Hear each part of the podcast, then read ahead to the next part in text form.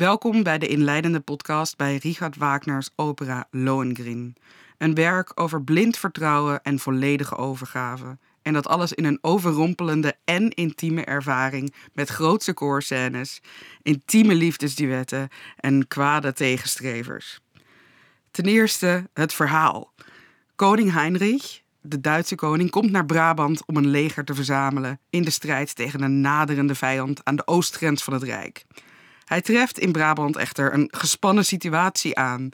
Friedrich, graaf van Telramund, beschuldigt Elsa van Brabant, de dochter van de overleden hertog, van de moord op haar broertje, de troonopvolger.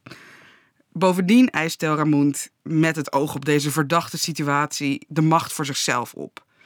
Koning Heinrich besluit dat dit geschil middels een godsgericht beslecht moet worden. Twee strijders moeten op leven en dood vechten en de winnaar die wordt door God geholpen. Elsa heeft echter geen ridder die haar wil verdedigen. Ze roept in een staat van ja, milde verwarring haar droombeeld aan dat een aantal dagen daarvoor in haar slaap is verschenen. Een ridder.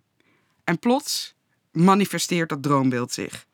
Er komt een ridder aan op een zwaan die Elsa aanbiedt om voor haar te vechten en die haar meteen aanbiedt of vraagt om met hem te trouwen. Onder één voorwaarde. Ze mag hem nooit naar zijn naam en afkomst vragen. Elsa stemt in met deze iets wat bijzondere voorwaarden en de onbekende ridder verslaat Telramund. Na dit vernederende voorval zinnen Telramund en Ortrud, zijn echtgenoten, op wraak.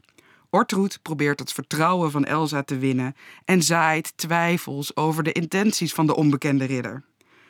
Op weg naar de kerk voor de trouwceremonie schoppen Ortrud en Telramund wat herrie. Ze eisen dat de ridder zijn identiteit onthult en beschuldigen hem van tovenarij en duistere machten. Elsa, in twijfel gebracht, bevestigt het vertrouwen in haar ridder en besluit hem niet deze vraag te stellen. Totdat het pasgetrouwde paar alleen is. Elsa kan zich in deze privé-setting eigenlijk niet bedwingen. Ze wil weten wie haar geliefde is. En ze stelt de vraag. Lohengrin kondigt aan dat hij zijn identiteit publiekelijk zal onthullen en kondigt ten overstaan van het volk en de koning aan dat hij Lohengrin, de zoon is van Parsifal. Hij is graalridder en wanneer zijn naam en zijn identiteit bekend is in de wereld, moet hij terugkeren naar het rijk van zijn vader. Bij zijn vertrek op zijn zwaan transformeert de zwaan plotseling in de jonge verloren broer van Elsa. Lohengrin verdwijnt uit het zicht en Elsa stort ter aarde. In deze podcast gaan we de ontstaanscontext van het werk af, verdiepen we ons in de personages en kijken we naar de muzikale eigenheden van Wagner.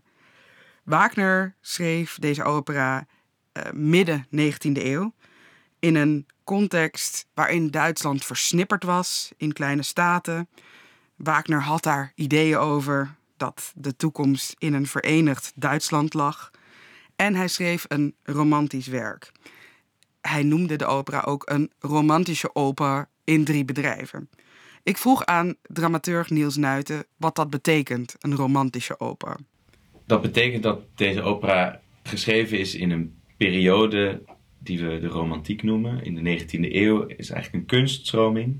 En de romantiek zet zich eigenlijk af tegen de voorgaande periode waarin de verlichting en het verlichtingsdenken natuurlijk belangrijk was. Dus het zoeken naar feiten en verklaringen om uit te kunnen leggen hoe het allemaal precies werkt in de wereld. En in de romantiek gaat het er eigenlijk over om ook naar het onverklaarbare te zoeken. En daarom is er bijvoorbeeld echt een grote interesse in de emotie en de belevingswereld van de mens of van een personage. En ook een interesse in het bovennatuurlijke. Dus dingen die niet zo makkelijk te verklaren zijn. Dus het mystieke en sprookjesachtige van de wereld. En daarin past natuurlijk ook Lohengrin, dat je eigenlijk ook als sprookje kan zien. En ook zien we in Lohengrin eigenlijk dat een historische, mythische tijd wordt opgeroepen, namelijk de middeleeuwen. En de zagen en verhalen en legenden uit, uit de middeleeuwen waren voor veel kunstenaars in de romantiek een grote inspiratie. Een grote inspiratie in de middeleeuwen dus. Maar ook een specifieke periode in de middeleeuwen koos Wagner. De periode van de heerschappij van koning Heinrich, die toevallig een groot Duits rijk had. Dit had Niels Nuiten daarover te zeggen. Nou, het is halverwege de 19e eeuw geschreven. Er was sowieso een grote beweging in veel landen in Europa, maar ook in Duitsland, van ook nationalisering, de, de identiteit van de natie. En zeker Wagner was daar best wel veel mee bezig. De Duitse nationaliteit. Dat heeft ook wat nadere kanten, zeker bij Wagner. Maar dat betekent ook dat er dus ook gezocht wordt naar oorsprongsvertellingen of verhalen. Door verschillende kunstenaars, maar zeker ook door Wagner. Dus legenden eigenlijk, die ook het idee van een Duitse natie in dit geval rechtvaardigen. Dat vond hij zeker ook in dit verhaal bij koning Heinrich der Vogler, Heinrich de Vogelaar. Dat is een historische figuur, die heeft echt bestaan rond 900. En hij wordt een beetje gezien als de grondlegger van het idee inderdaad van zo'n soort prototype Duitse staat. Dus het is niet zomaar dat in deze opera dat soort Duits uh, nationalistische leuzen voorkomen. Maar daarvoor wordt dus een reden gezocht in een soort middeleeuwse context. Een middeleeuwse context dus. Maar dat is niet de enige laag die we terugvinden in Lohengrin. Er is ook een betekenislaag die ongeveer ruwweg een eeuw later aan het werk is toegevoegd in de nationaal-socialistische periode in Duitsland. En daar heeft Niels het volgende over te zeggen. Uh, er zitten natuurlijk allemaal ingrediënten in die opera die voor het nationaal socialisme heel interessant waren. En eigenlijk misschien zoals Wagner zocht naar bronnen in de middeleeuwen, zoeken de naties in die zin ook weer, en dan dichter bij huis, of in ieder geval dichter in hun tijd, ook weer naar verhalen die dat Duits heel erg glorificeren. Dat horen we ook vooral in de grote koormassa's. Het volk staat op het toneel, verschillende volkeren. En die slaan ook wel krijgslustige taal uit. Zoals bijvoorbeeld in dit fragment uit de tweede acte, waarin ze Lohengrin, of de onbekende ridder op dat moment nog, vieren als de beschermer van Brabant.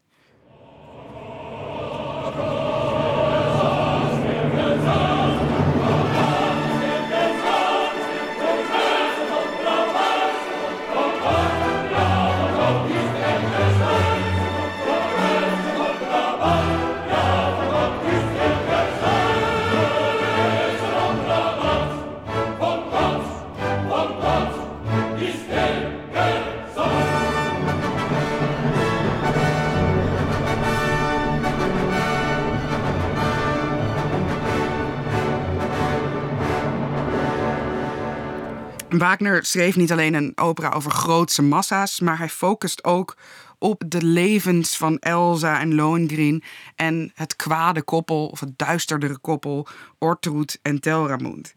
Deze personages zijn als het ware sprookjeswezens. Ze zijn niet volledig rationeel te vatten. Ze gedragen zich ook niet allemaal even rationeel.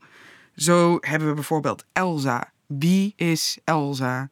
Daar had Niels het volgende over te zeggen.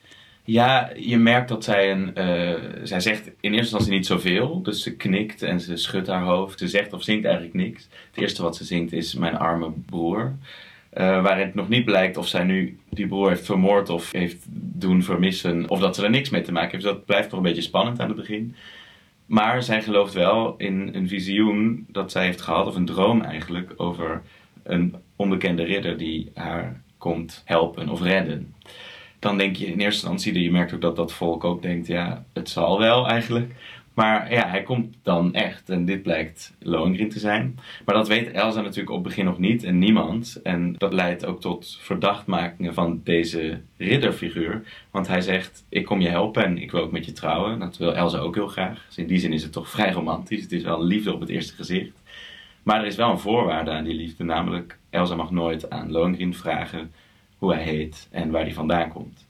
En dat zet natuurlijk eigenlijk die hele opera in gang. En daar begint eigenlijk het tragische aspect van deze opera. Het tragische aspect dat uitmondt in de vraag die gesteld moet worden. En dan nu naar de muziek, de muzikale uitdrukking die Wagner aan dit verhaal geeft. We horen namelijk geen ouverture meer, zo mag het niet meer heten. Maar wat we wel horen, dat vertelt Niels Nuiten. Nee, de ouverture of het voorspel eigenlijk, het voorspel, is inderdaad heel bijzonder. Het begint heel klein en heel zwevend eigenlijk. En het bouwt heel langzaam op tot ook een soort indrukwekkende climax die daarna ook weer teruggenomen wordt. En interessant is dat in dit voorspel niet per se heel veel thema's uit de verdere opera komen tot een soort van inleiding van het stuk, maar dat het op zichzelf eigenlijk ook een bepaalde, ja, een bepaalde magische, zwevende kracht geeft, die ook nou ja, vaak aan de graal gekoppeld wordt, het idee van die heilige graal, van de glans. Het voelt heel glanzend en zwevend. En eigenlijk daarna, in de eerste scène, komt er meteen een hele aardse realiteit en allemaal mensen en mannen en leger op het toneel gestompt. En dat is dan meteen een heel groot contrast. En dat voorspiel, die graal, die stralen daarvan, daar moeten we natuurlijk even naar luisteren.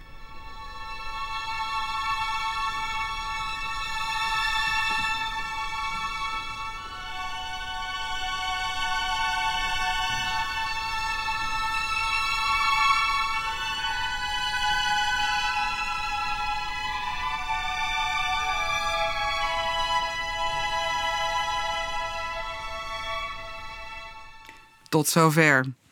We horen in dit fragment de violen prachtig flageolet spelen, waarbij ze hun snaren niet helemaal indrukken. En daar komt een, een soort buitenaardse, uh, bovennatuurlijke klank uit voort.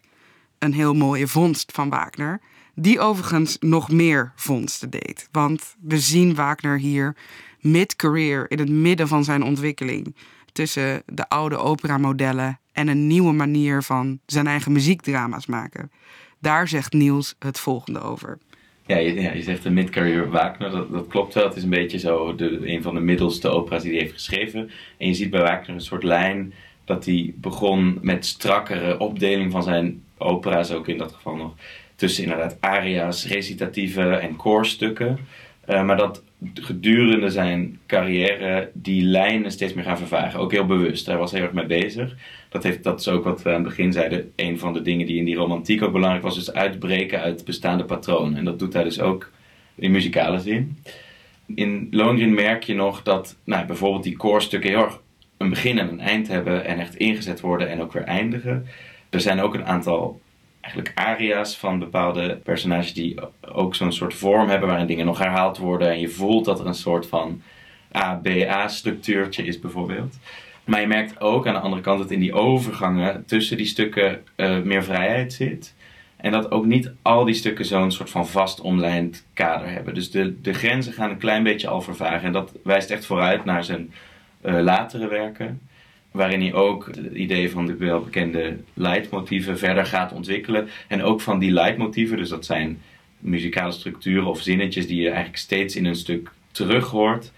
Daar begint hij in Lohengrin ook al wel, maar dat hoor je flink in Lohengrin al terugkomen. Hoewel deze motieven zich in Lohengrin eigenlijk nog niet ontwikkelen, wat later wel het geval gaat zijn. Dus naarmate het verhaal in de ring bijvoorbeeld van Wagner zich verder ontwikkelt, gaan ook motieven zich met elkaar uh, verbinden en veranderen ze ook door de tijd in Lohengrin is het nog iets meer een herinneringsmotief. Waarbij je, als het bijvoorbeeld over dat vraagverbod gaat, altijd een bepaalde melodie hoort. Waarop dat gezongen of gespeeld wordt. En dat je eigenlijk weer weet, ah ja, dit element van het verhaal klinkt ja, dus er nu. Dat het echt een herinnering is voor het publiek. Zo van, hé, hey, weet je nog? Een soort houvast van, hé, hey, we hebben het hier al over gehad en nu komt het weer terug. Dat voel je denk ik ook wel, dat merk je vrij goed. Het zijn een beetje signalen nog op dit moment, maar dat is wel een beetje de, een grondverf voor wat die leidmotieven later gaan zijn in zijn uh, latere werken. En dan hebben we het vraagverbod. Wanneer Lohengrin zich voorstelt aan Elsa, geeft hij ook deze voorwaarden mee.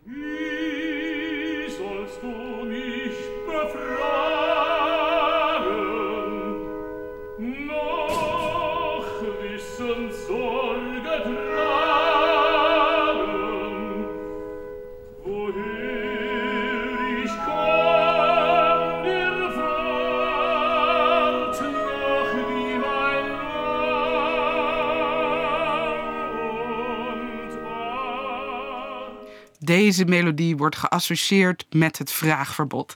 En horen we ook meerdere malen terugkomen. Waaronder in de fatale scène in de derde acte, waarin Elsa zich niet kan bedwingen om de vraag te stellen.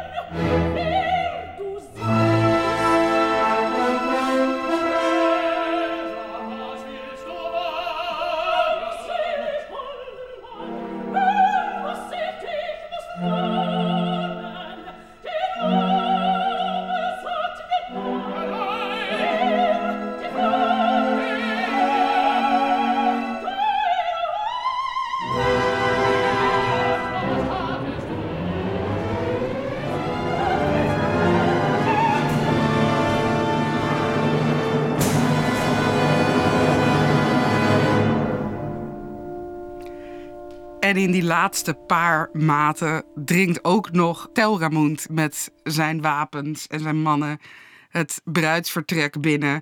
En er zitten ongeveer drie maten tussen het moment dat Lohengrin zegt: Wat heb je gedaan, Elsa? En het moment dat hij Telramund doodsteekt. Dus daar gebeurt opeens heel veel. Een uitdaging voor een regisseur. Dan is er nog, zelfs voor degene die nog nooit van deze opera hebben gehoord, is er één stuk muziek dat toch bekend is. De grootste hit uit Lohengrin.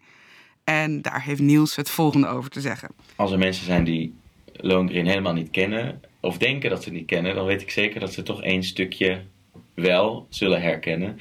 Namelijk de welbekende bruidsmars. Die nog steeds, denk ik, op heel veel bruiloft gespeeld wordt.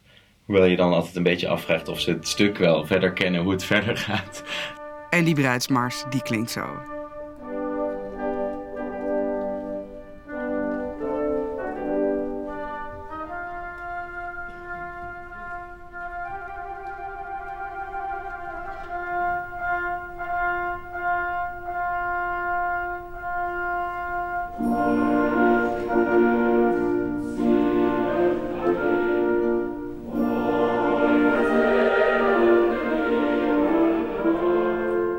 Met deze bruidsmars rond ik ook deze podcast af. Wilt u meer weten? Kom naar Lohengrin om de opera volledig te beleven van 11 november tot en met 3 december.